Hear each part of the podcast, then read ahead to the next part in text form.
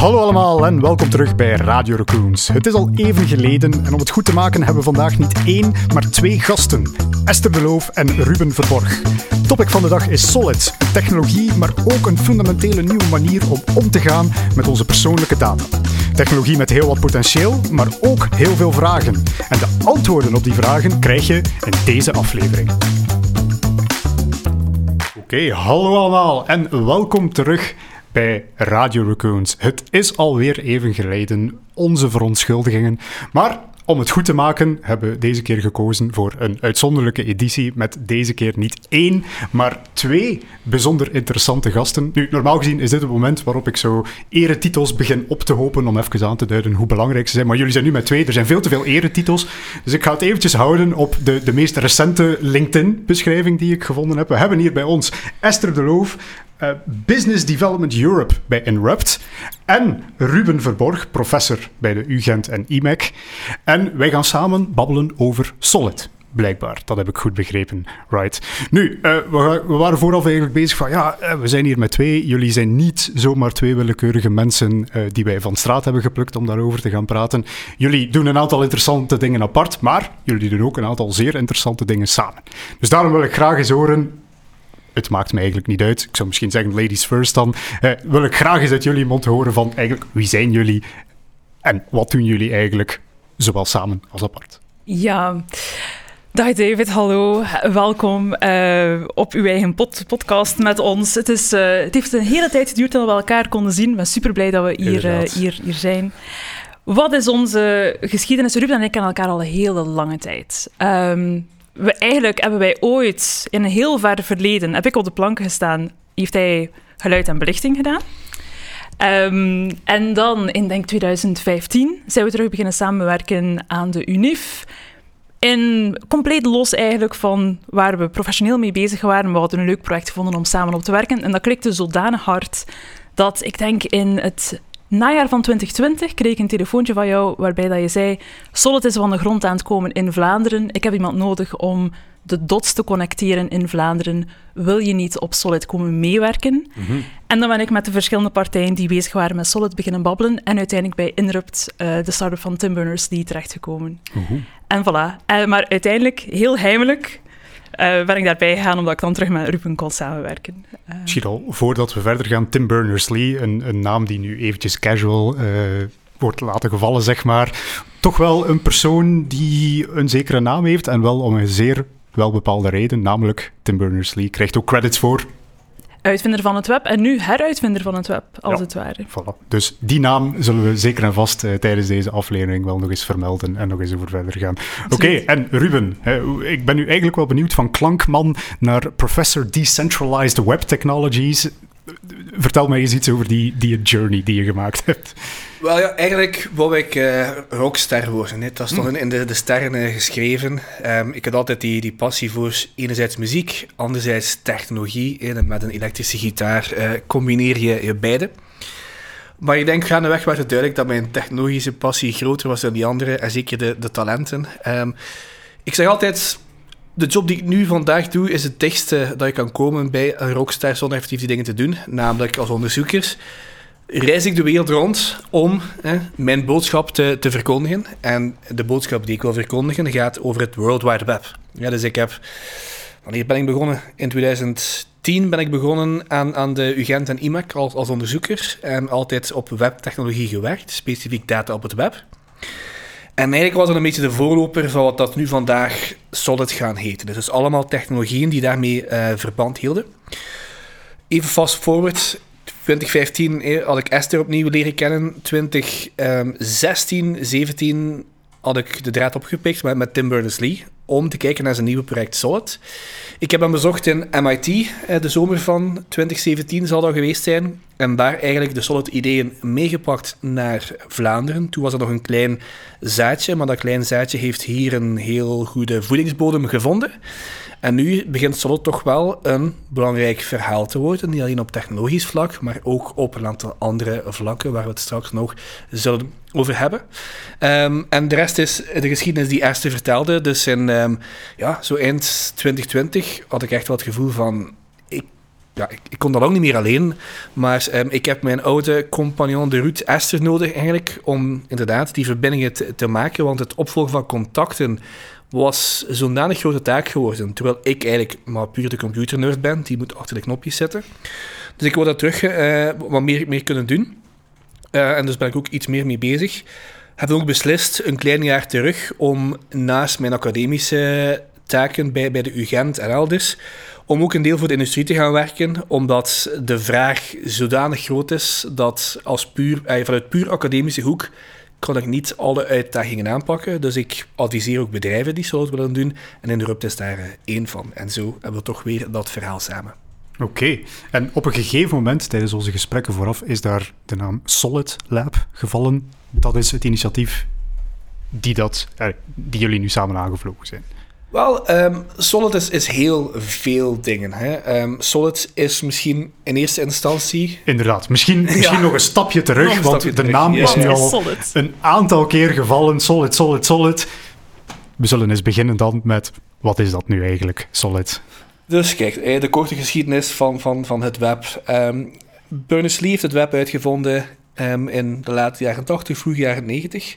Zijn idee was eigenlijk om kennis zich makkelijker te laten verspreiden over de grenzen van machines heen. En het kernidee daarvan was universaliteit. Het idee dat iedereen moet kennis kunnen consumeren, ongeacht van op welke manier dat gepubliceerd is en ongeacht van welk toestel ze gebruiken om die kennis te gaan, gaan consumeren. En inderdaad, uh, het probleem dat er toen bestond, was dat kennis heel vaak bleef plakken aan machines in allemaal verschillende formaten. Het web bracht dat technologische laagje om ervoor te zorgen dat informatie tussen machines heen wereldwijd zich kon verspreiden. Dat al die informatie ook aan elkaar kon, kon gelinkt worden. En gaandeweg, uiteraard, uh, verandert het van een technologische uitdaging naar universaliteit op een, op een groot niveau. Hoe kunnen we ervoor zorgen dat informatie mensen bereikt die andere talen spreken? Hè, die misschien andere noden hebben, die misschien bijvoorbeeld visueel uh, niet aan de slag kunnen, maar die misschien een braille die informatie willen gaan lezen. Dus al dat soort zaken kwam eigenlijk bij universaliteit dan heeft het web ook de weg gevonden richting de, de commerciële tools, uiteraard. Ja, als we kunnen informatie consumeren, kunnen we daar dingen gaan opzetten, kunnen we bestellingen gaan plaatsen, kunnen we dingen gaan verkopen. En dan uiteraard heeft het verhaal zich ontpopt, zoals we ons allemaal wel kennen. En rond, hè, pak het jaar 2000, had je daar de hele boom van, van nieuwe ideeën die vroeger niet konden. Zoals eBay, verkoop je tweedehands spullen wereldwijd. Uh, Amazon, koop whatever je maar wil en laat het uh, op, uh, aan je deur leveren. En dan, nog een paar jaar later, uiteraard ook ja, totaal nieuwe paradigma's. Denk maar aan, aan de, de, de data, de persoonlijke data die plots op het web ging gaan staan. En die dan plots ook gebruikt wordt um, voor positieve zaken, maar ook voor een aantal minder positieve zaken. Om verkiezingen te beïnvloeden, om uh, mensen te gaan reclame verkopen en te proberen te verleiden dingen te doen die ze anders niet zouden gaan doen. Um, in de geschiedenis zie je eigenlijk dat het web toch wel een beetje verwijderd geraakt is van het originele idee dat Tim Berners-Lee had, namelijk het moet voor iedereen gaan werken. Heel concreet, vandaag, om bepaalde dingen te doen, moet je op, op Facebook zijn. Wat dat idee van universaliteit in de weg staat. Namelijk, vroeger had je gewoon een browser nodig om online te zijn, nu heb je een browser nodig en een Facebook-account. En misschien zelfs geen browser meer, maar gewoon de Facebook-app en dan vind je wel allemaal daar. En het feit dat dus één bedrijf of een klein clubje van bedrijven eigenlijk bepaalt hoe wij informatie consumeren, hoe wij dingen doen, dat gaat volledig in tegen de geest van het World Wide Web. En het gaat ook volledig in tegen innovatie. want het idee was op het web dat iedereen kon zich aansluiten, iedereen kon er dingen gaan opzetten, iedereen kon daar nieuwe ideeën op gaan uh, uitwerken. Maar als je zo'n paar gatekeepers krijgt, dan ja, valt dat idee in duigen. Dus Tim Berners-Lee is eigenlijk bezorgd over waar het naartoe gaat met zijn uitvinding en zegt van nee, we moeten terug die universaliteit herstellen. We moeten ervoor zorgen dat iedereen weer alles kan gaan doen. En we moeten ook ervoor zorgen dat die toestemmingsloze innovatie terugkomt. Het feit dat iedereen kan nieuwe ideeën op dat web gaan zetten. En de sleutel, volgens hem en volgens velen met hem, is persoonlijke data erin. Okay idee is dus, als we mensen controle geven over hun eigen persoonlijke data, via persoonlijke datakluizen, dan zullen we weer in staat zijn om te gaan innoveren op het web, om daar veilig dingen op te gaan delen, om meer constructieve conversaties en uitwisselingen met elkaar te gaan, hebben. En vandaar dus Solid eigenlijk als de web reimagined, als het ware, maar dan anno hè, 2022 en verder. Oké, dus Tim Berners-Lee als, als een soort god uh, van de berg Olympus neergedaald om, om eventjes de orde op zaken terug te gaan stellen. Ik kan me inderdaad wel inbeelden als je kijkt naar het anarchistische, toch wel begin van het internet en zo de, de grotere commercialisatie vandaag de dag, dat de tijd inderdaad wel rijp was om eens te gaan kijken van hoe kunnen we dit terug herstellen naar, naar de originele visie. Nu, misschien Esther naar jou. Hè. Het is, een, het is een leuk abstract idee. We gaan data kluizen, we gaan uh, data terug in handen geven van de gebruikers. Maar misschien op een praktisch niveau dan? Hoe, hoe moeten we ons dat dan eigenlijk gaan inbeelden? Ja, hoe, hoe doen we dat praktisch? Um, want uiteraard nu het grote businessmodel is dat verschillende bedrijven op hun data zitten, die data ook niet meteen willen delen, want het is hun competitief voordeel.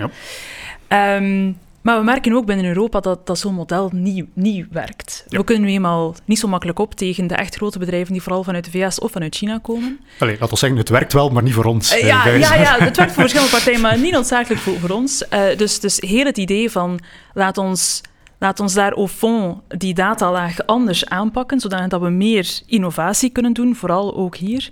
Uh, dat is echt iets wat, dat, uh, wat dat mij enorm drijft. De, hoe gaan we dat nu eigenlijk praktisch gezien doen? Hoe gaan we die shift er, er laten, laten komen? Dat is wat dat Inrupt probeert uit te vogelen op wereldwijd niveau. Door uh, samen te werken met organisaties met een grote digitale footprint. Denk aan overheden, grote bedrijven, maar dat kunnen ook NGO's zijn iedereen die een grote digitale footprint uh, geeft, want we willen zo snel mogelijk dat er zoveel mogelijk mensen een eigen persoonlijke datakluis hebben, met daarin toch minstens al een deel van hun persoonlijke data. En van daaruit groeien we dan afhankelijk van de verschillende geo's. Elk werelddeel heeft zijn eigen dynamiek of focus. Europa is een beetje anders dan Australië, dan de VS, dan Azië. Uh, dus dat uitzoeken, dat is waar dat we hele dagen mee bezig zijn. Oké, ik, vind het, op zich wel interessant. Hè. Het is dus niet zomaar een professor die eventjes een paper gepubliceerd heeft aan de wereld en gezegd heeft van ga nu maar aan de slag. Dus daar is effectief ook een bedrijf aan gekoppeld en dat bedrijf is effectief actief bezig om, laten we zeggen, strategische doelwitten te identificeren die durven we nu toch wel zeggen, een voortrekkersrol daarin kunnen spelen. Absoluut, absoluut. En Vlaanderen is daarin een echte koploper, wereldwijd. Uh, ik wil dat even duidelijk zeggen, want wij Vlamingen zijn soms wat bedeesder van aard. Te bescheiden, ja. Ja, ja, ja. Maar wat we hier in Vlaanderen hebben, is echt een, een uniek iets. Een, een cocktail van langs de ene kant uh, de UGent en dan wijder volledig Solid Lab, wat dat niet alleen UGent-partners heeft, maar ook partners van andere univen binnen Vlaanderen. Dus Solid Lab langs de ene kant als academische partner, dan hebben we Data Nutsbedrijf van de Vlaamse overheid als neutrale overheidsspeler die die markt in gang aan het steken is. En dan een heel aantal bedrijven binnen Vlaanderen, waaronder ook Kronos, die aan het kijken zijn van oké, hoe kunnen we hier met Solid uh, naar de markt gaan? Wat betekent dat? Hoe gaan we dat brengen? En die dynamiek van academia, overheid en private bedrijven die allemaal tegelijkertijd op Solid vliegen, dat is toch echt iets uniek wereldwijd. Oké, ja, kijk, het mag zeker eens gezegd zijn, uh, wij, wij, als Vlamingen, we zijn nogal bescheiden over onze eigen mogelijkheden, maar als we dan toch een keer ergens de, de eerste en de beste in kunnen zijn, mag dat absoluut ook vermeld worden. Nu, Ruben, ik ben ergens ook benieuwd van, ja, jij hebt het woord van de man hemzelf gehoord, uh, hemzelf, uh, Tim Berners-Lee. Kunt je mij schetsen van, van hoe, hoe ziet dat er precies uit? Jij, jij bent eens aan zijn deur gaan bellen en hebt hem gevraagd van, vertel een keer. Hè. Ik heb er iets over gelezen op het internet. Of hoe is dat precies in zijn gang gegaan? Um, wel, eigenlijk, wat je moet weten over, over Tim Berners-Lee is, is deze dagen is hij actief, actief op twee soorten fronten. Langs de ene kant heel hoog niveau de visie. Waar moet het web naartoe? Waar willen we eigenlijk als, als, als wereld naartoe met, met dat informatienetwerk? Langs de andere kant hebben we zeer uh, de, de, de, diepe technische uh, lagen als het mhm. ware is altijd ook, een, een, programmeur en een hacker is altijd bezig met software schrijven. En dus uiteraard was ik geïnteresseerd in die visie, maar de manier waarop ik tot bij hem geraakt ben, was eigenlijk dat, dat programmeren. Dus ik was net zoals hij bezig met in de browser met, met data te, te spelen op de manier zoals we doen in, in Solid. En ehm, hij zag mijn projecten, ik, ik zag zijn projecten. En eigenlijk zijn we dus redelijk geeky over dat soort ja, programmeerstuff aan, aan, um, aan de praat geraakt. En, dan zei ik van, kijk, ja, ik heb nog een, zomer vrij, maar ik kan eens een keer naar MIT komen om een beetje verder die dingen te, gaan doen. Um, en dat zegt, ja, het is goed, het is wat tof. Iemand die nog wat meer development werk gaat gaan doen. Maar dat was eigenlijk mijn Trojaans paard, als, als het ware. Dus onder het voorwensel om daar development te gaan doen. Zij ook aan de praat geraakt over de high-level visie en, de dingen die we wilden doen. En dan werd het eigenlijk duidelijk van... Uh, ja, we moeten hier, hier samen verder mee aan de slag. Want ik ben eigenlijk bij het team van MIT gekomen uh, zo als het op zijn einde liep als onderzoeksproject. Dus ik, ehm, toen ik daartoe kwam, waren er nog drie mensen bezig, maar ik was de laatste die dan vertrok, een, paar maanden later. Omdat het toen duidelijk was van, kijk, de, de onderzoekschallenges, de eerste laag daarvan toch, die zijn aangepakt. Nu, wat we nodig hebben, zijn al die andere aspecten, hè, waar Esther ook het, al, al, kort over had. Dus dat was ook het, het moment dat we dachten van, ja, oké, hoe laten we dit bloeien? En dat was eigenlijk het moment dat, dat, dat, dat Tim besliste om, um, om een bedrijf mee te gaan starten. Maar hij ook zag van, kijk, wat we nu nodig hebben, is die commerciële uptake. Anders blijft het inderdaad een paper van een professor, een academisch verhaal. En was zeer boeiend om die transitie te zien. En ik ben er gewoon mee opgesprongen en dacht van, ja, dat is het. Dit, dit wil ik gaan, gaan doen uh, met mijn leven. Um, en half toevallig inderdaad hier is dat dan in Vlaanderen opgepikt en hier ook beginnen bloeien. En nu heb je de situatie dat, dat Tim Munneslee ook heel vaak, hè, eerst toch een paar keer per jaar, dat hij langskomt bij ons in, in, in Gent, um, om aan Solid verder te werken. Hè. Okay. Dus vandaar, we mogen echt wel trots zijn op wat we in huis hebben. Um, we halen inspiratie uh, uit elkaar als het ware, ja. Ja, Leuk om te horen. Ja, ik, ik probeer nu ergens, ja, de technische bias zal er altijd blijven, dus ik ga, ik ga eventjes doorvragen. Als we nu denken over Solid, dat is enerzijds een idee, de datakluizen enzovoort. Hoe moeten we dat eigenlijk als, als technische standaard precies gaan inbeelden? Stel, ik, ik, weet niet, ik ben een bedrijfje die ergens wel... Het lijkt mij wel een leuk idee, ik, ik wil daar Solid in gaan integreren. Hoe gaan we daar precies in zijn werk? Um, wel, misschien aan de ene kant eh, moeten we dat dan, dan schetsen um, wat Solid precies technologisch betekent, inderdaad. Ja, zeker. Langs de andere kant zou ik zeggen, twee stuk van uw vraag is, is, is meer iets voor jou, Esther. Omdat Kijk. in heel het verhaal, en ik kan het niet genoeg onderstrepen, is technologie de basisvoorwaarde, maar ook enkel maar de basisvoorwaarde. Zonder mm -hmm. tech gaat het niet lukken, maar met de tech alleen sta je nog nergens. Hè? Dus dat is wel, wel cruciaal om dat te gaan zien. Um, dus een manier naar Solid te kijken is mijn eerste verhaal like, van de evolutie van het web en, en, terug naar die visie. Een andere manier is, het, is om het als post-big data te gaan zien. Hm. Big data is de vraag van hoeveel data krijg je op één plek tezamen. En het antwoord daarop is oneindig veel. Technologisch gezien. Je kan altijd wel meer data gaan, gaan stockeren. Maar wat dat eh, één of twee decades van, um, van big data ons geleerd heeft, is dat hoewel er technologisch geen limieten zijn, dat er andere zeer dwingende limieten zijn. Economisch, ethisch, sociaal enzovoort enzovoort. Um, en eerlijk gezegd, vanuit technologisch oogpunt, big data is gewoon saai. Natuurlijk gaan er interessante dingen gebeuren als je veel data op, op één plek brengt. Maar wat als je dat niet wil? Wat als dat niet kan? Wat als er dwingende redenen zijn die niet technologisch zijn van aard, dat je die data niet allemaal op één plek kan gaan krijgen? GDPR, om er maar één te noemen, maar ook puur van competitieniveau. Het, het, kost ook enorm veel geld om wat te gaan doen. Het, het dataverzameling vertraagt innovatie. Dus gegeven dat we niet willen of kunnen aan big data doen, wat kunnen we wel doen? En het idee is dus, achter Solid, in plaats van al de data van verschillende mensen op één systeem te verzamelen, gaat elke persoon data van hem of haar in een eigen datakluis gaan verzamelen. Dus in plaats van een klein aantal zeer grote big data sets, krijgen we een zeer groot aantal relatief kleine datasets. Dus de toekomst voor mij bestaat uit, uit heel veel kleine data, eigenlijk. Dus het is vandaar post-big data. Dus iedereen die krijgt een kluis waar een dataset van, van hem of haar. En bovendien, we kunnen nog verder gaan. We kunnen gebouwen een kluis geven, wagens een kluis, uh, slimme verkeerslichten. Dus, dus verschillende entiteiten kunnen zo'n kluis gaan krijgen. En dan is de vraag, hoe gaan we daarmee om? Wat, wat doen we daarmee? want voor innovatie is dat een bijzonder interessante situatie, want je brengt als het ware altijd je eigen data mee. Maar technologisch is dat wel een gigantische puzzel om op te lossen. Big data is veel simpeler. Maar de filosofie is dat alle andere voordelen die komen van het decentraliseren van die data naar de mensen, dat die zo groot zijn en zo belangrijk zijn, dat wij als technologen verplicht zijn om die uitdagingen op te gaan lossen. Hm. Op dit punt wil misschien aan Esther doorspelen voor het tweede deel van de vraag. Gegeven dat het ons technologen lukt om het te bouwen, wat moeten we doen? Laten we dan misschien een keer bekijken vanuit drie standpunten. Eerst en vooral de gebruiker. Hoe voelt dat om een datakluis te hebben? Ten tweede de bedrijven of de overheden of de organisaties die data in die kluis steken. En dan ten derde de developers die apps ontwikkelen bovenop die datalaag. Ja, Alright. fantastisch. Nummer één. Ehm, voor u als eindgebruiker, we zullen waarschijnlijk in een, in een wereld eindigen waarbij dat je verschillende datakluizen hebt. Ehm, stel bijvoorbeeld, ik heb een datakluis van de overheid, ik heb er een van mijn bank, ik heb er een van mijn telco-provider. Ehm, hoe je naar die datakluizen kijkt, dat kan zijn dat elk van die, degenen die je een datakluis geeft met daar data in, dat je daar elk een app hebt om in die kluis te gaan kijken. Maar aangezien dat we binnen Solid, en dat is een van de basisideeën achter Solid, je hebt een complete loskoppeling tussen waar de data staat langs de ene kant en de applicaties waardoor dat je naar de data kijkt of met de data omgaat langs de andere kant.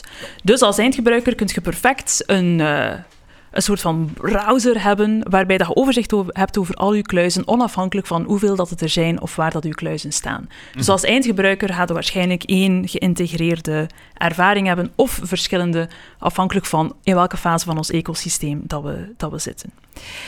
Dat is voor de eindgebruiker. Dan vanuit het perspectief van de bedrijven of de organisaties die u een kluis geven en data in die kluis steken. Daar is vooral een kwestie van die visionaire overheden en bedrijven te gaan vinden die weten: oké, hier op mijn hoop data gaan zitten en die angstvallig proberen vasthouden, dat werkt niet meer. Wat voor een alternatief businessmodel kan ik bouwen? Of wat voor een extra diensten kan ik bijvoorbeeld als overheid leveren als ik die data deelbaar maak. Als ik die in een kluis zet en dan de eindgebruiker, van wie dat de data eigenlijk is, of over wie dat de data gaat, die heeft recht om die data te gaan delen met vertrouwde derde parties die daarvan gebruik willen, willen maken. Dat is het soort denkoefeningen dat we met bedrijven doen om hen te laten voeling krijgen met wat is er mogelijk in zo'n solid ecosysteem. En meestal past dat in hun strategische visie van waar dat zij heen willen op dataniveau met hun sector op tien jaar. En dan is er, eens dat je die datalaag hebt gecreëerd, al die kluisjes met al die data daarin, dan krijg je een situatie waarbij dat er heel veel data van personen daar gewoon is. En als je dan een app-developer bent of je bent een organisatie die zegt van ha, ik heb een goed idee, en nu kan ik mijn idee effectief waarheid maken, want de data is er. Ik moet niet meer zelf die data verzamelen. Ik kan gewoon zeggen van, kijk David, uh, je wil veranderen van job. Ik heb hier een perfecte app die jou zal begeleiden om jouw ideale droomjob te kunnen vinden. Maar om die matching te kunnen doen, moet ik jou natuurlijk kennen. Kan ik toegang krijgen tot deze, deze, deze, deze data in jouw datakluis. En dan kan ik jou begeleiden in het vinden van een perfecte job. En dan is jou om te zeggen van, ah oké, die dienst interesseert mij, oké, ik wil mijn data met die app delen. Of je zegt, uh, nee, nee, nee, dank u, uh, ik zoek het wel zelf uit. Uh, ik deel mijn data niet. Maar dan heb jij daar de volledige eigen keuze in. Oké, als ik mij nu toch uh, tot een zeker kritische vraag mag durven verleiden. Zeker. Ik denk, als we denken aan de eindgebruiker uh, en, en, we denken aan, aan consentvragen enzovoort, zit ik altijd zo'n beetje met, met uh, read the terms of agreement en, en de cookie warnings in mijn hoofd. Hoe vermijden we dan ja. eigenlijk dat dat zo het nieuwe ding was van, ah, wil jij grappige kattenfoto's zien? dan wil ik eerst al uw informatie. Oké, okay, ja, dat is goed, daar, daar ga ik niet verder over stilstaan. Kunnen we daarmee omgaan? Of is het echt gewoon van, kijk, we bieden de mogelijkheden en het is nog altijd een beetje aan de eindgebruiker om te zien in hoeverre dat zij daarmee bezig zijn. Wel, als we, als we dat zouden doen, dan, eh, zal het niet goed lopen wellicht. Hè. Zo de eindgebruiker als een afterthought, dat zal wellicht eh, niet, niet werken. Misschien ook belangrijk om op te merken hier dat um, we geen kat gaan overtuigen door te zeggen van kijk, stap over naar een solid datakluis, want je hebt meer privacy, meer consent, meer dit. Nobody cares. Als we echt eerlijk zijn, um, mocht het zo zijn. Some care. Some, some care. Some of us some care. care. We zijn allemaal IT'ers, maar, maar los wij zijn, wij zijn de 1%. en, en wie zit hier allemaal niet op Facebook? Allee, in de zin van... Voilà, got you. dus... Um, ik zit niet op Facebook. maar op LinkedIn, hè. I, I, care as long as it's convenient. Dat is een voilà, beetje, ja. dat vind ik een hele goeie. Uh, dus we gaan niemand overtuigen op ideologische gronden. Hè. Dus mensen gaan het doen als het een leven beter maakt. Punt, andere lijn. Dus dat moet de focus zijn. Wat een leven niet beter gaat maken, is nog meer dialogen en nog meer vragen en zo. Maar de vergelijking met cookies is interessant, want cookies Dat is een voorbeeld van wetgeving die het omgekeerde effect heeft, heeft gehad. Hè. Dus was van, de bedoeling was om die cookies uit te roeien. Hè. Van als je het wou doen, was dat toch wel redelijk veel verplichtingen die je moest voldoen. Maar als er gebeurt, bedrijven hebben die verplichtingen gewoon doorgeduwd aan de eindgebruiker van ga je ermee akkoord dat, hup, enzovoort. En er is ergens een, een Nederlandse kunstenares, Julia Jansen, die... Ehm, die zo'n boek heeft uitgegeven. En, en dat boek is ja, 900 pagina's lang met alle terms en conditions waar je mee akkoord gaat als je op één bepaalde website op een knopje klikt. Dus niemand begrijpt dat. Zelfs de meest gespecialiseerde juristen, je kan daar gewoon niet aan uitraken. Maar het belangrijke verschil is dat die cookie-vensters vandaag, die werken voor de websites die toestemming vragen. Die werken voor de andere partij. De datakluis is van jou, die werkt voor jou. Dus als er een bedrijf of een website of whatever data wil zien van jou, gaat het jouw datakluis zijn die jou dat dialoogvenster toont. Jouw datakluis heeft er alle baat bij om voor jou te werken, niet voor die andere partij. Mhm. En plus de ervaring die je krijgt, dat dialoogvenster kan er anders uitzien voor andere mensen. En dat is het verschil tussen controle en consent. Consent zijn alle dialogen die andere mensen maken, dat je gewoon ja of nee moet klikken en je snapt het toch niet, dus je klikt maar ja. Ehm, dat is consent. Controle, dat wil zeggen dat je zelf beslist. Hè. Dus, heel belangrijk, controle kan ook zeggen dat ik geen keuze wil maken. Dat ik zeg van, kijk, gelijk welke kledingwinkel die vraagt om mijn schoenmaat, doe maar. Je moet me niet meer vragen, ik wil dat niet meer zien. Doe maar. Ja, je mag dat zien. Ja, je mag weten wat paars dat lijkt. Dus al die dingen, hè, dat kan je zelf beslissen. Betekent dat recht te zeggen van, maar als er vragen gesteld worden over mijn financiële informatie of mijn geboortedatum, zou ik het wel liefst wel willen zien, of niet. Dus het is het recht om te kijken op de vragen welke dialogen je, je, mag zien en, en, en welke je niet wil zien. Um, het is ook het recht om die dialogen eenvoudig te houden. Dus het kan niet zijn van, ga je akkoord met deze duizend lijnen legalese die je toch niet begrijpt, maar van, ze willen hier foto's zien uh, van vorig jaar toen nog naar in Frankrijk zat. Is dat goed voor jou of liever niet? En het soort vraag dat je krijgt kan ook afgestemd worden op het, op het soort gebruik. Dus verschillende mensen kunnen verschillende soorten dialogen te zien krijgen, want jouw kluis werkt voor jou en niet voor andere partijen. Een laatste interessant element aan controle is dat je ook kan beslissen om die controle gedeeltelijk door te geven. Bijvoorbeeld, vragen over mijn medische data. Wil je je medische foto's van de voorbije vijf jaar delen met jouw potentiële verzekeringsnemer? Weet ik veel. Die vraag stel ze maar aan mijn huisarts, die weet waarover over dat, dat, dat gaat. En die mag ja of nee zeggen in mijn plaats voor dat soort afbeeldingen. Dus controle is een veel sterker en flexibeler concept dan consent. En zorgt ervoor dat ja, kluizen gaan werken voor mensen en dat ze een betere ervaring gaan krijgen. En daar gaat het over.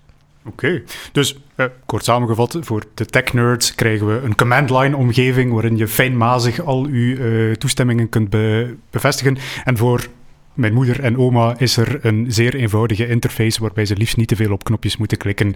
Absoluut, maar onderschat uw moeder en grootmoeder niet. Wie weet willen die toch heel specifieke vragen stellen op bepaalde mensen en dat kan. Ja. Ik ga het misschien nog net iets anders zeggen. In de zin van, ik denk dat Solid een heel goede implementatie is voor het idee dat achter GDPR zat. In de zin van, we zeiden daarnet, uh, niemand ligt wakker van privacy en dat soort dingen. En dat is waar in, onze, in ons dagelijks leven, maar vooral omdat we hebben geen, we hebben geen goede tool om daar iets actionable rond te gaan doen. We kunnen daar wel over caren, maar we hebben niet de tools om daar iets mee effectief te gaan, te gaan doen. Het goede hier is, de overheden, en ik kan ervan getuigen met de interactie met de Vlaamse overheid, de overheden liggen daarvan wakker. En grote organisaties liggen er echt wel van wakker dat ze op een integere manier met uw data omgaan. En Solid geeft eigenlijk die organisaties en die overheden de kans om dat op een actionable manier naar de eindgebruiker te kunnen brengen via die kluis. Van kijk, hier is uw data in, in die kluis. En nu heb je een goede interface om met het delen van die data om te kunnen gaan. Want wat er nu typisch is bij, bij cookies, je hebt één keer op één moment controle. Wanneer dat je je data voor de eerste keer deelt en daarna heb je geen tools meer om daar terug controle over te kunnen hebben. Mhm. Buiten in Solid kan je eigenlijk, in mijn opinie toch in elk geval, kan je een beetje heel dat moment uh, stretchen in de, in de uh, tijd. De eerste keer dat je je data deelt, kan je dat op een gestructureerde manier doen. Maar, nog belangrijker, je kan op elk moment je consent ook terug in, in, uh, in trekken. Wanneer je zegt van, oh, ik ben niet, ik ben niet meer content van deze app. Oké, ik trek het delen van mijn data terug in. Op een veel intuïtievere manier, die zelfs voor je moeder en voor je grootmoeder logisch gaat zijn. En dat is wat het echt is, om controle te hebben, in plaats van alleen maar via legalese die je moet doorworstelen één keer in je leven. Als ik daar eens mag verder op uh, inpikken, want Esther inspireert mij hier ook. Um, ik zou zeggen, de reden dat we weinig over privacy praten, is dat omdat dat een heel eenzijdig verhaal is. Als je ook ziet, alle grote bedrijven hebben plots voorbij jaren de mond vol over privacy, al hier en al daar, omdat ze weten dat dat een straatje is ja, dat doodloopt. van, van, je kan geen oplossing vinden binnen, binnen privacy, want eigenlijk theoretisch gezien, op Facebook heb je privacy. Want je kan perfect kiezen wat mensen al dan niet mogen zien. Maar je hebt wel langs geen controle van, van hoe die dingen in, in, elkaar zitten. En privacy is ook een verhaal waarbij dat de consument en de bedrijven tegen elkaar worden opgezet. De bedrijven zijn de grote evil dingen die zoveel mogelijk data willen gaan verzamelen en die arme mensen raken die data kwijt. Maar zoals je net hier ook hoort in haar verhaal, bedrijven liggen daar echt wel van wakker. Ze hebben ook wel door dat het vandaag geen zin meer heeft om zoveel data te gaan verzamelen. Dat is een enorme verantwoordelijkheid, legaal gezien, qua investeringen en zo. Bedrijven willen of je data eigenlijk niet hebben. Ze, zijn vandaag, ze zien zich vandaag genoodzaakt om dat te doen, omdat ze data nodig hebben om te gaan innoveren. Dus daarom verzamelen ze dan maar. Maar eigenlijk doen ze dat liever niet, buiten misschien eh, die paar uitzonderingen. Dus wat we eigenlijk zeggen met Slot is van, je moet geen data verzamelen. Dat is niet nodig. Mensen zullen hun eigen data brengen. En als je die data nodig hebt om een dienst te leveren, zullen ze die data ter beschikking stellen als ze tevreden zijn over jou. Dus maak je geen zorgen, de data die je nodig hebt voor jouw dienst, die zal er zijn. Data die je niet nodig hebt, moet je al helemaal niet wakker van liggen. Dus dit is een verhaal over innovatie en ervoor zorgen dat data beschikbaar is. En eigenlijk over data beter laten stromen, maar onder controle van de mensen. Oké. Nu, je vermeldt het al eens heel kort, eh, terloops, eh, maar we moeten het er waarschijnlijk toch wel eens over hebben. Die paar uitzonderingen. Eh, ik denk als we zo nadenken over de toekomst van Solid en de adoptie van Solid, kunnen we niet om een paar grote spelers. We zullen de grote boeman alvast gaan benoemen. Facebook bijvoorbeeld. Als we denken aan Facebook als een soort grote draak die, die op een stapel gouden data ligt en die niet zomaar zal afgeven. Hoe, hoe, gaan we daarmee om? Is het een kwestie van die bedrijven te overtuigen? Of, of gaan we gewoon zeggen van kijk, we maken een alternatief en Facebook wordt op een bepaald moment irrelevant als ze zich niet aanpassen? ik heb gisteren naar Mark gebeld. Ik zeg, dat kan toch niet meer?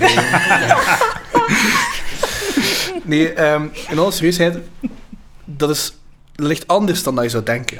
Um, en laat me heel duidelijk zijn, wij hebben Facebook en Google en al die grote niet nodig in dit verhaal. Want de data die op Facebook staat, is data die in de eerste plaats nuttig is voor adverteerders.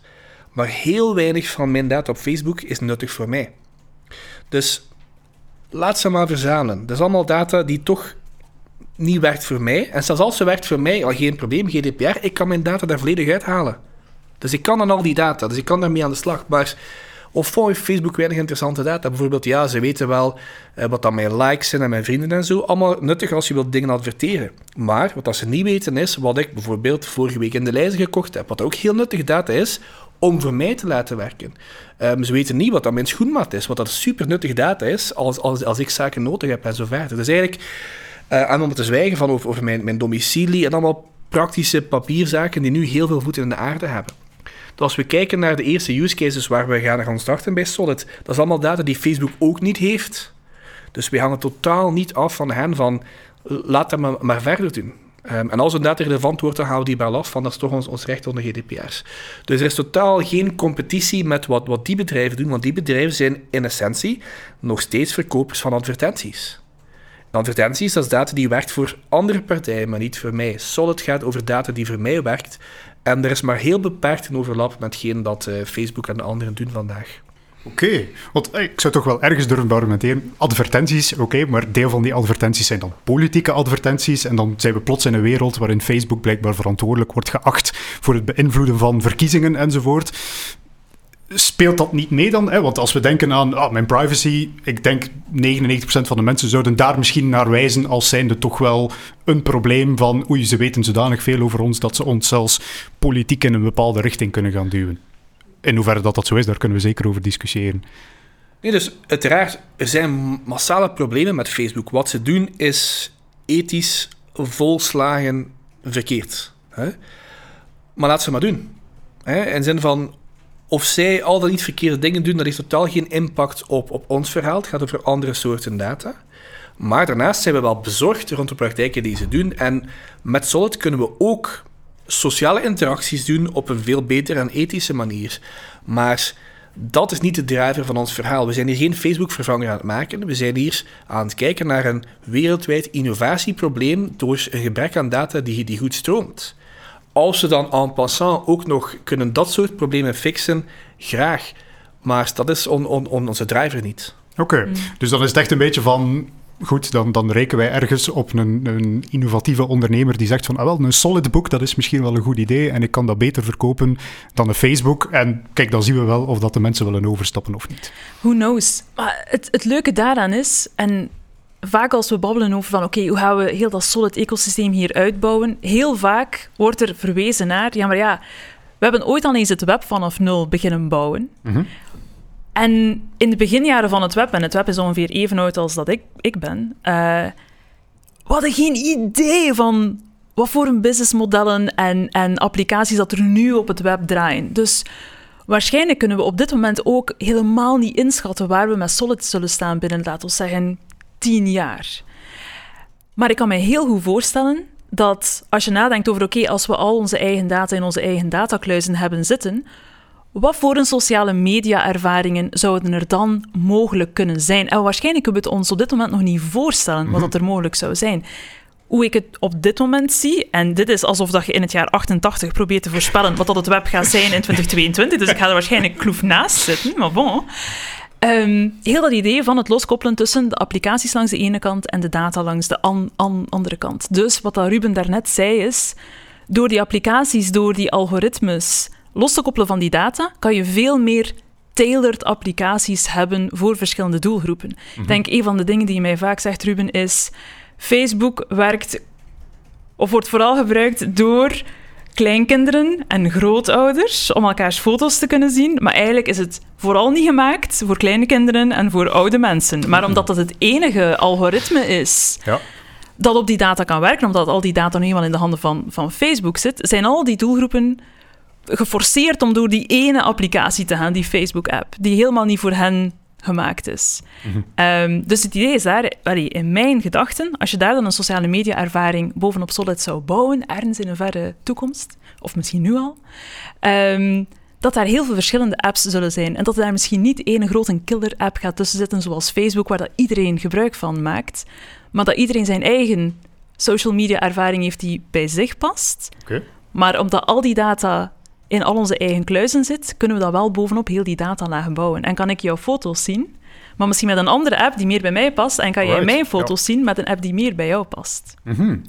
Eigenlijk ook een beetje dus als, als ja, ik heb het dan toch wel correct begrepen, als, als een faciliterende datalaag bovenop allerlei diverse applicaties die vandaag de dag helemaal niet met elkaar kunnen connecteren, maar in de toekomst, dankzij die gemeenschappelijke laag, ehm, ja, eigenlijk allerlei interessante diensten op maat kunnen gaan halen. Exact. Cool. Oké, ik ben al de hele tijd aan het zoeken naar een goed moment om mijn meest naïeve vraag te introduceren. Ik ga het nu eventjes doen, ik verontschuldig mij alvast. Uh, maar ik denk misschien, als mensen zo denken, zo, hmm, ah ja, gedecentraliseerd, data, technologie, nieuw hype Ah, blockchain of zo. Oh nee. ja, ja, sorry. Het moet, het moet, het moet ertussen. Um, ik ga het eventjes vragen. Het is de meest verschrikkelijke vraag die ik kan stellen aan de professor Decentralized Web Technologies. Doe het nu toch maar eens. Zet ze eens naast elkaar. Uh, waarom mogen de twee vooral niet met elkaar verwarren? En hebben ze toch misschien iets met elkaar gemeen? Ik zeg het, gedecentraliseerd en data. En...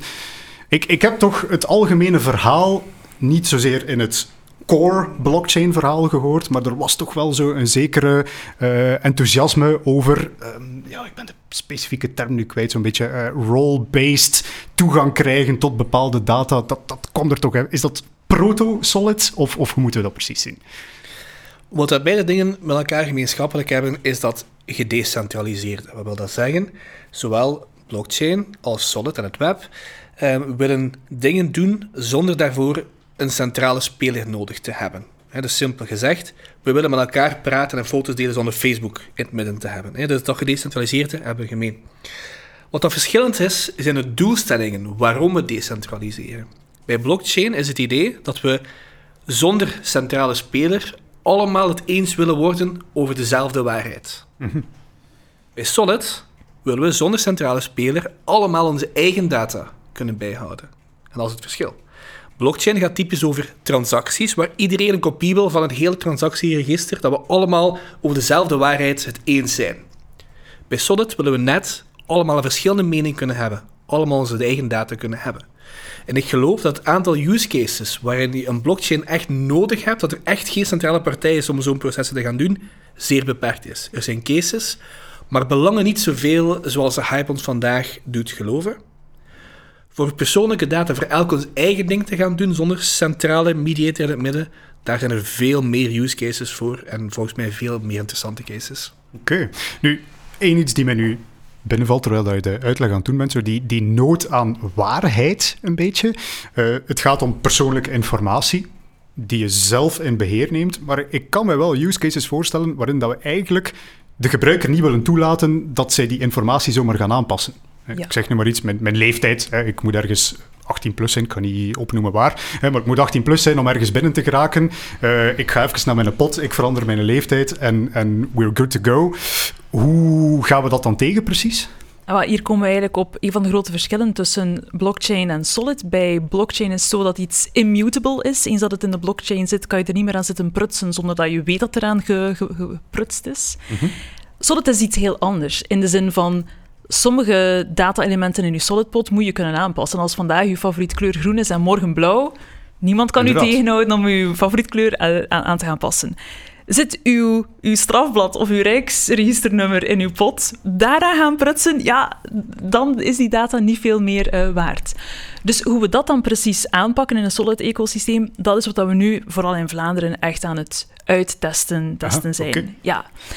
Um, en, en dan is het een, eh, een kwestie van, is er een authentieke bron die kan verifiëren van, oké, de data die hier in die pot zit, ja, check, die komt overeen, uh, ja of uh, nee. Wie is de echte bron van waarheid voor bepaalde stukken van uw data? Voor sommige stukken van uw data ga je dat zelf zijn. Voor een ander stuk van de data, zoals uw Rijksregisternummer bijvoorbeeld, is dat een externe partij die daar uh, zijn veto of zijn, okay. zijn checkmark bij kan, kan plaatsen.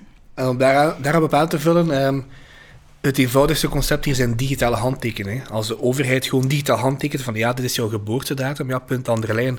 En dat is ook wat ik bedoelde net als ik zei van er zijn eigenlijk weinig cases waarin je geen centrale mediator hebt voor de waarheid. In dit geval, het is niet nodig om op een blockchain te zetten dat ik op die plek en die datum geboren ben. De overheid staat daar garant voor.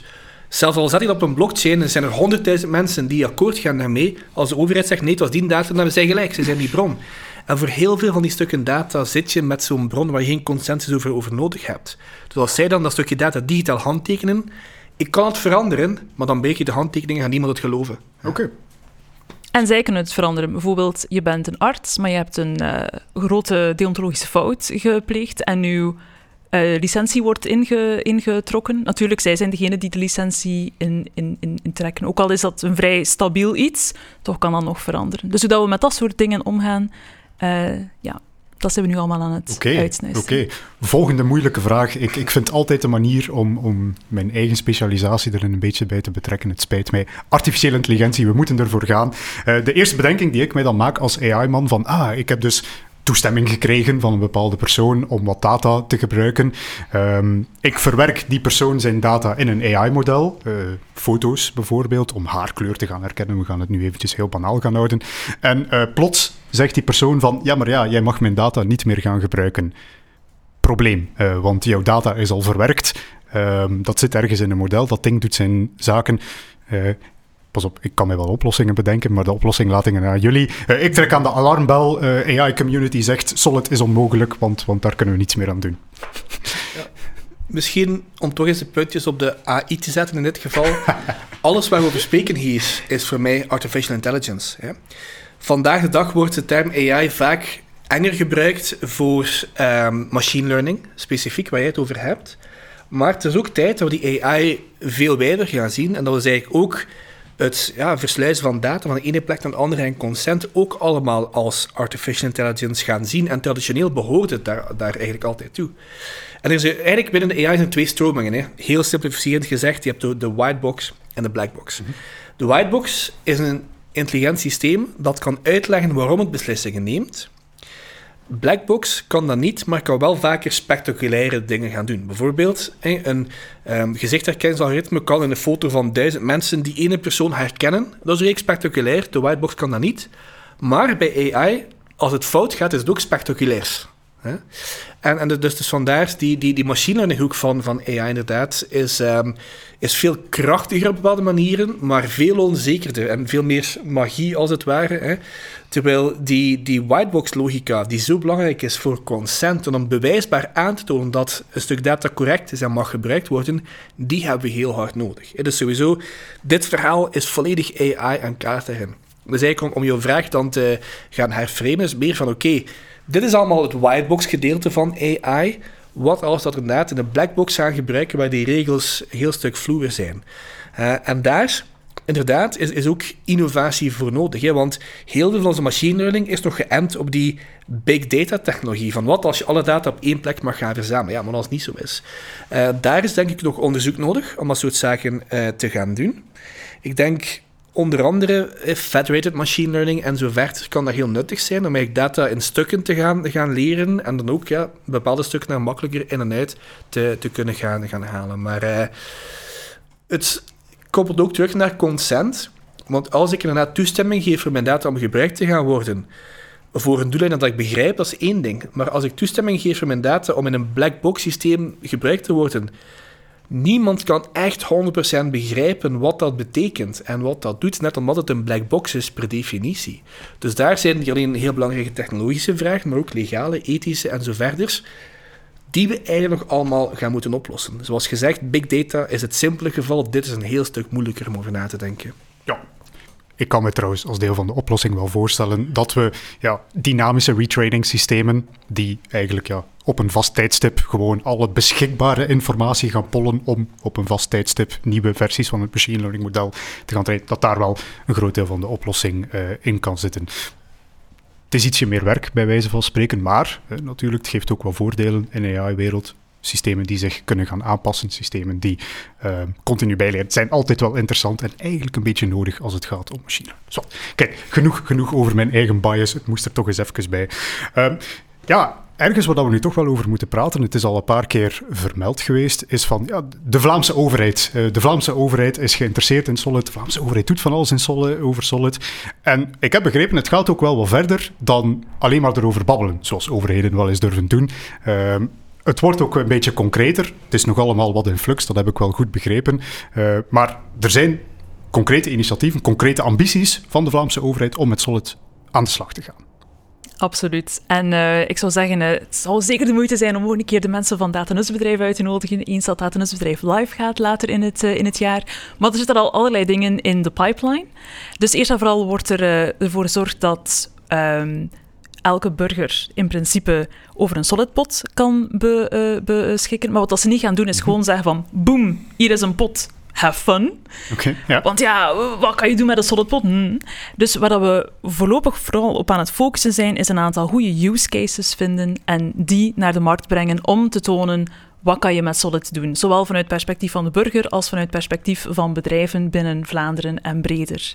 Uh, dus echt tonen wat dat het potentieel van Solid is. Dus keep your eyes peeled voor de use cases rond Solid die later in het jaar uh, okay. kop boven water zullen steken. Ik, ik moet toch eens, eens, eens, een heel klein beetje doorvragen. Een, een data-nutsbedrijf, dat, is wel, dat is wel een hele coole term. Ook, ook een statement, een beetje vind ik wel. Een nutsbedrijf, dan denk ik aan basisvoorzieningen. Uh, aardgas, veel te duur. Elektriciteit, veel te duur. Uh, maar, maar zaken die we dus echt nodig hebben.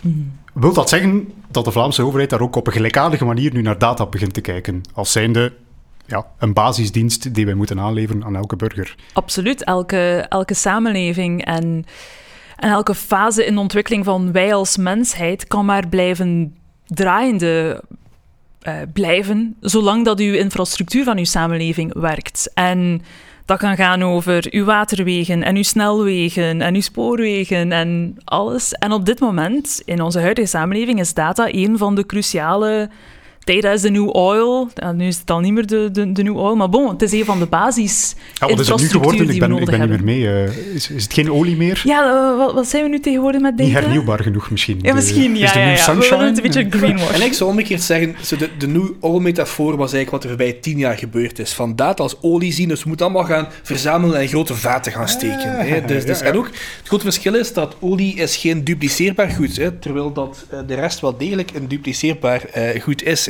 data. Dus dat verandert volledig uh, de vergelijking. Maar eigenlijk, om, terug te komen op het punt van, van, van die nutbedrijven... Um, ik vind een goed voorbeeld is wat dus eind jaren 90 gebeurd is hier in Vlaanderen met Telenet. Dus de overheid heeft mede impuls gegeven om Telenet op te richten. Waarom?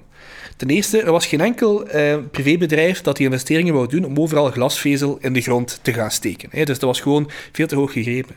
Maar, en dat is cruciaal, wat de overheid echt wou, was niet internet voor iedereen. Niemand lag daarvan wakker. Wat de overheid zag, was van, er komt een nieuwe economie aan. En wij moeten mee zijn met de economie. En als we geen internet hebben, raken we daar niet op. Wel, hetzelfde gebeurt nu met data. Het geloof is dat er inderdaad een nieuwe data-economie aankomt die niet gebaseerd is op dataverzameling. Dus om mee te zijn in die economie, moeten nu een investering doen in een datanutbedrijf waarbij iedereen over een datakluis gaat kunnen beschikken. Maar het tool is niet de kluis op zich, net zoals toen het tool niet het internet was op zich. Het tool is de innovatie die mogelijk wordt als de juiste infrastructuur aanwezig is. En vandaar dus, net zoals toen Telenet als een eerste bedrijf werd opgericht om die investeringen te gaan doen, gaan we vandaag dat bedrijf oprichten om die investeringen te doen. En dan op lange termijn het overlaten aan de markt om een goed aanbod te creëren, zodanig dat we mee zijn met de data-economie van de toekomst. Ja, Datanusbedrijf neemt eigenlijk een aantal drempels weg uit die markt, creëert die markt. En uh, het, het grote doel is data laten stromen. Uh, voilà. Alright. Ja, de, doet, doet alvast erom. Kijk, ik ga, ik ga toch eens proberen. Laat ons eventjes de, de, de 80s mensen zijn die nu eens durven nadenken over de toekomst van het internet. Eh, stel, we zijn nu, wat gaan we nemen als veilige termijn? 20 jaar. Eh, dan word je meestal niet meer geconfronteerd met, u, met uw uitspraken 20 jaar later. Alhoewel, wie weet. Wie weet. Stel, we kijken nu 20 jaar in de toekomst. Um, ik, ik ben een gewone burger die, die wel eens op het internet iets wilt gaan doen. Wat moeten we ons, wat moeten we ons allemaal binnen 20 jaar voorstellen? Welke soort toepassingen denken we te kunnen zien? Ik weet het, het is, het is uh, lastig om de toekomst te proberen voorspellen, maar toch. Hè. Ik ben wel nogal een voorstander van, van, van, van dat gezegde dat het doel van technologie is om zichzelf on, onzichtbaar te maken. Mm -hmm. Ik denk dat dingen gemakkelijker gaan worden. Er zijn heel veel handelingen die we vandaag onnodig moeten doen, die, die te maken hebben met het verhuizen van data. Data werkt eigenlijk niet voor ons, zit in onze weg. Ik denk dat het veel meer naadloos zal overgaan in, in elkaar. Eerlijk gezegd, hoe dat er precies uitziet, dat weet ik ook niet, maar ik beeld me een wereld in dat ik veel minder ga moeten nadenken in welke silo's ik, ik, dingen moet gaan doen. Bijvoorbeeld van, ah, ik heb hier een, een tof nummer dat ik aan het luisteren ben, ik wil dat met jou delen, ja, maar wacht keer, zit ik op Apple Music of Spotify? Ah nee, Spotify die is gecanceld dus, enzovoort enzovoort. Um, maar ook in bredere zin mijn aankopen. Nu is het vaak van, ah, ik moet naar de lijst, want ik ga dat en dat, en dan, ja, maar zijn we dat product niet, en ik denk dat er veel meer seamless gaat zijn, van, nee, dat zijn mijn noden, dat zijn de dingen dat, ik wil doen. Um, ik ga die doelen kunnen, kunnen bereiken op een veel meer immersive en holistische manier, in plaats van alles in hokjes te moeten doen. Dus ik denk dat we van een redelijk hokjesdenken zoals we het vandaag hebben, gaan evolueren naar ja, eigenlijk veel minder silo's en een veel meer, um, ja, een, een, meer samen uh, gedreven manier om, om, om dingen, dingen te gaan doen. Oké. Okay. Ja. Nog aanvullingen te volgen, We gaan jullie alle twee verplichten, zodat ja, ik dat binnen 20 ja, jaar kunnen zeggen van, ah, zo naïef. Ja, ja. Um, ik denk inderdaad, zoals dat Ruben zegt, het is heel moeilijk om de toekomst te voorspellen. Net zoals het in de jaren 80 onmogelijk was om te weten waar we nu staan. Uh, maar er zijn misschien wel een aantal principes waar dat we aan willen vasthouden. En die principes zijn: um, als je je data zelf in eigen handen hebt, lijkt het mij zoveel gemakkelijker om betere diensten te kunnen krijgen die meer op je eigen maat zijn. En het is echt, en daar gaan we, daar gaan we moeten heel goed over denken hoe dat we dat goed doen. Maar door uw eigen data te gebruiken om die meer gepersonaliseerde diensten te gaan, te gaan hebben, hoe kan ik dat doen op een manier die niet als een Black Mirror-episode voelt? Hmm. Uh, en dat gaat nog een, dat gaat een, een tricky ding zijn om goed over te denken hoe dat we dat precies doen. Um, hoe gaan we de gebruikerservaring zodanig maken dat ik een getailerde aanpak krijg, zonder dat dat voelt alsof het er in mijn privacy inge, ingebroken wordt. Wat ik kan me nu voorstellen, als je nu sommige reclame ziet die echt op jouw maat gemaakt is, kan dat voelen van wauw, die gasten weten echt wel veel over, uh, over, uh, over mij. Um, kunnen we dat omdraaien? Waarbij dat je zelf beheerder bent over je eigen data en dat dat niet meer intrusief voelt wanneer je getailerde diensten uh, krijgt. En ads zijn nu misschien een slecht voorbeeld. Uh, maar als ik een app zou hebben die bijvoorbeeld mij assisteert bij mijn reizen. En mijn app weet wat mijn smaak is van bijvoorbeeld eten. En die zegt op een gegeven moment van, kijk, heb nu al zes uur zitten rijden. Hier is een Mexicaans restaurant in het volgende dorp waar dat je gaat passeren. Geen zin om te stoppen. Dat ik dat zou aan, aanvoelen als van, oh ja, dank u, app. Uh, ja. dank u. Uh, in plaats van dat ze zeggen van, oeh, creepy. Jij weet dat ik graag Mexicaans eet. Ja. Dat ik al zes uur aan het rijden ben. Hmm. dus hoe dat we die mindshift gaan doen bij mensen dat ze zich terug comfortabel voelen erbij, dat gaat denk ik nog de grootste uitdaging worden. Allee, daar lig ik persoonlijk het meest wakker van. Dat is voor mij de grootste gain. Maar waarvan ik ook als psycholoog weet van, oké, daar gaan we subtiel mee moeten omgaan, dat we daar op het juiste moment de juiste stappen zetten, om dat natuurlijk te laten aanvoelen terug. Want uiteindelijk, ik vind, we hebben als, als samenleving hebben we recht om eigenaars te zijn over onze eigen data en die gepersonaliseerde diensten te uh, hebben. Uh, maar we zijn het ergens kwijtgeraakt dat dat natuurlijk voelt, omdat onze data niet meer in onze eigen handen zat. Oké. Nu, om af te sluiten, we hebben daar straks een stapje teruggenomen en we zijn dan beginnen wandelen en we zijn blijven wandelen en nooit meer teruggekeerd. Maar in het begin van de aflevering van het Solid Lab is een term dat we toch eens eventjes over oh, moeten spreken. Um, ik zou zeggen, wat is het, wat doet het en wie moet daar geïnteresseerd in zijn? Dus aan de ene kant heb je een uitvoerende poot, zou ik zeggen. Dat is het datanutsbedrijf. Die gaat heel praktisch nadenken met bedrijven wat dingen moeten doen. Langs de andere kant moeten we ook al beseffen dat we nog niet helemaal daar zijn. Solid is redelijk nieuwe technologie, nieuwe ideeën, nieuwe modellen. Hoe denken we daarover na? En Solid Lab is al een andere pijler waarbij de overheid eigenlijk gaat investeren in onderzoek om het gat dicht te rijden. Om ervoor te zorgen dat onze bedrijven die binnen twee of vier jaar Solid willen gaan doen, dat de uitdagingen waar zij voor zouden staan, dat wij die helpen wegnemen. Mhm. En dan gaat het over technologische uitdagingen langs de ene kant, waar, waar mijn team samen met een paar andere teams uh, van, uh, naar gaat kijken. Dan gaat het ook over uh, socio-economische vraagstukken, zoals van hoe leg je dat uit aan mensen, hoe gaan bedrijven hiermee gaan starten. Het gaat ook over legale vraagstukken van, ja, klopt dat wel met, met wat de wet vraagt van GDPR en zo verder. Dus, dus alle soort puzzelstukken waar eigenlijk alle Vlaamse en Europese bedrijven zouden gaan voorstaan. Wij proberen dat even voor te zijn en die uitdagingen nu vandaag al gaan wegnemen, zodanig dat als dat nutsbedrijf klaarstaat met die kluizen en de BIS-modellen en bedrijven klaarstaan om te gaan innoveren, dat die eerste struikelblokken toch al weggenomen zijn. En dat is wat wij doen met Solid Lab. Alright, mijn, mijn laatste vraag ging inderdaad zijn van ja, ons publiek is een beetje jonge entrepreneurs, of daar mikken we toch alleszins wat op. Mm. Uh, ging inderdaad zijn van, tju, ik luister naar dit verhaal, klinkt mij heel interessant, hoe ga ik hier verder mee?